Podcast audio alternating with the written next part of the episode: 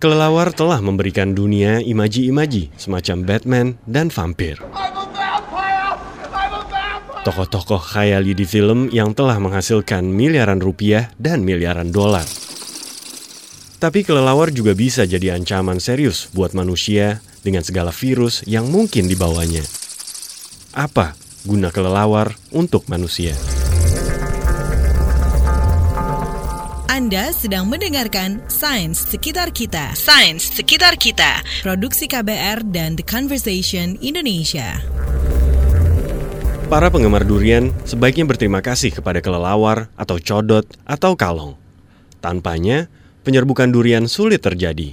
Itu kata guru besar dan dekan Fakultas Kedokteran Hewan Institut Pertanian Bogor, IPB Sri Hardi Agung Priyono. Itu buah durian ini salah satu buah yang sangat atau uh, kebanyakan akan tergantung pada uh, peran dari kelelawar untuk membantu proses-proses penyerbukan termasuk menyebarkan biji. Kalau di kecuali kalau kita tanam uh, petani durian yang sudah menanam khusus. Dulunya uh, dari alamnya pohon durian itu terpencar-pencar akibat peran itu. Satu-satunya mamalia yang bisa terbang dan beraktivitas pada malam hari adalah penyerbuk paling tangguh dan ulung di jagat raya. Kemampuan seekor kelelawar itu identik dengan ribuan serangga ya satu ekor. Jadi paling tangguh, jauh sangat efektif dan mereka mampu terbang sangat jauh, berusia panjang sehingga dia selama hidup 20-30 tahun itu dia berfungsi terus ya. Kalong atau kelelawar ukuran besar sanggup terbang lebih dari 100 km per hari dan bermigrasi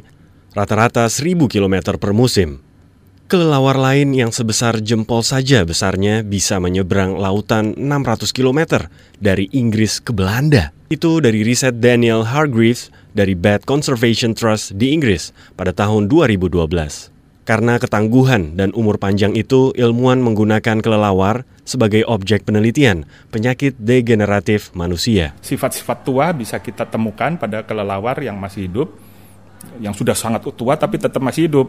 Nah, kita bisa melihat fenomena-fenomena ketuaan dari hewan itu gitu yang bisa kita aplikasikan kepada manusia. Kotoran kelelawar di gua-gua berarti pasukan energi bagi segenap kehidupan organisme di dalamnya, termasuk petani yang memanfaatkannya sebagai pupuk. Ini agak gimana gitu? Kelelawar juga dimakan sebagai asupan protein atau dipercaya sebagai obat penyakit tertentu. Alih-alih mengobati, sebenarnya ada bahaya juga yang dikandung kelelawar. Jika kelelawarnya sakit atau mengandung virus pada air liurnya, maka tentu saja virus yang dibawa air liur kelelawar tadi menempel pada sisa buah yang dia terbuang ke bawah itu, yang kemudian ditemukan manusia dan kadang kadang-kadang kan manusianya bisa ah nggak apa-apa kok saya udah dari dulu kalau kalau makan buah selalu yang bekas kelelawar toh sehat-sehat saja.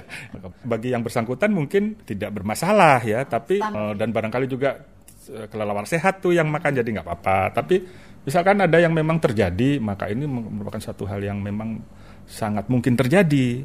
Dan barangkali yang sudah terjadi itu nggak bisa cerita ke kita karena udah meninggal. Kelelawar dilaporkan beresiko membawa berbagai virus yang bisa menular pada manusia. Seperti demam berdarah, cikungnya, rabies, SARS, MERS, Ebola, dan Nipah. Dan Nipah itu kejadiannya di Malaysia dan itu kemudian dari kelelawar turun ke di bawahnya itu mereka melintasi peternakan babi ya kemudian saliva atau urin yang mengandung virus dari ini dimakan oleh babi babinya yang yang jadi sakit. Nah babi sakit ini kemudian menularkan ke manusia manusianya juga ada yang sakit sehingga ada kematian sekian orang dan kalau ada orang yang meninggal kan tentunya menjadi kasus yang heboh ya.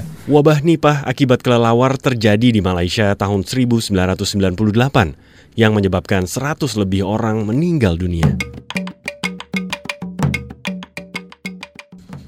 Indonesia memiliki 200 dari total 1100 spesies kelelawar di dunia, hampir seperlima, tapi dua di antaranya yaitu spesies Otomoms jostonoi dari Alor Nusa Tenggara Timur dan Neopetanus trosti dari Sulawesi nyaris punah.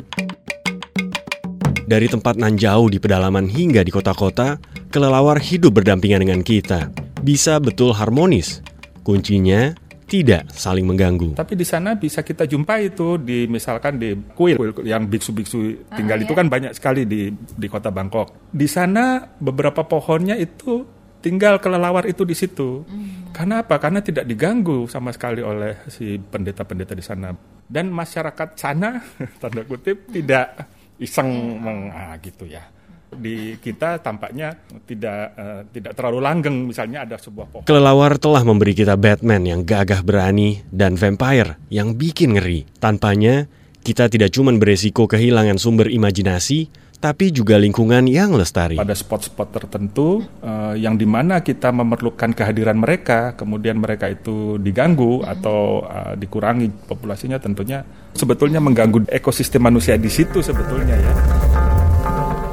Sains Sekitar Kita. Sains Sekitar Kita. Produksi KBR dan The Conversation Indonesia.